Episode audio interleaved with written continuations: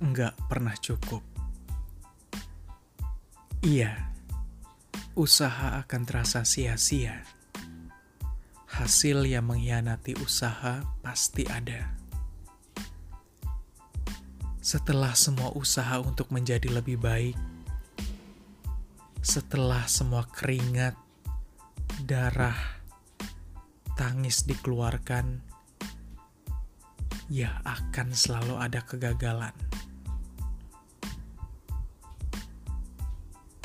Akan selalu ada yang meremehkan, seakan semuanya nggak cukup. Mereka cuma mau tahu hasil, gak mau tahu proses yang dilakukan. Adil sebenarnya. Siapa juga yang mau tahu proses?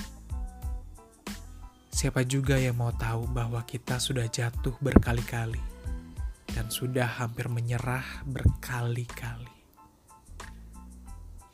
Kita nggak akan pernah cukup. Kita nggak akan pernah cukup baik di mata mereka.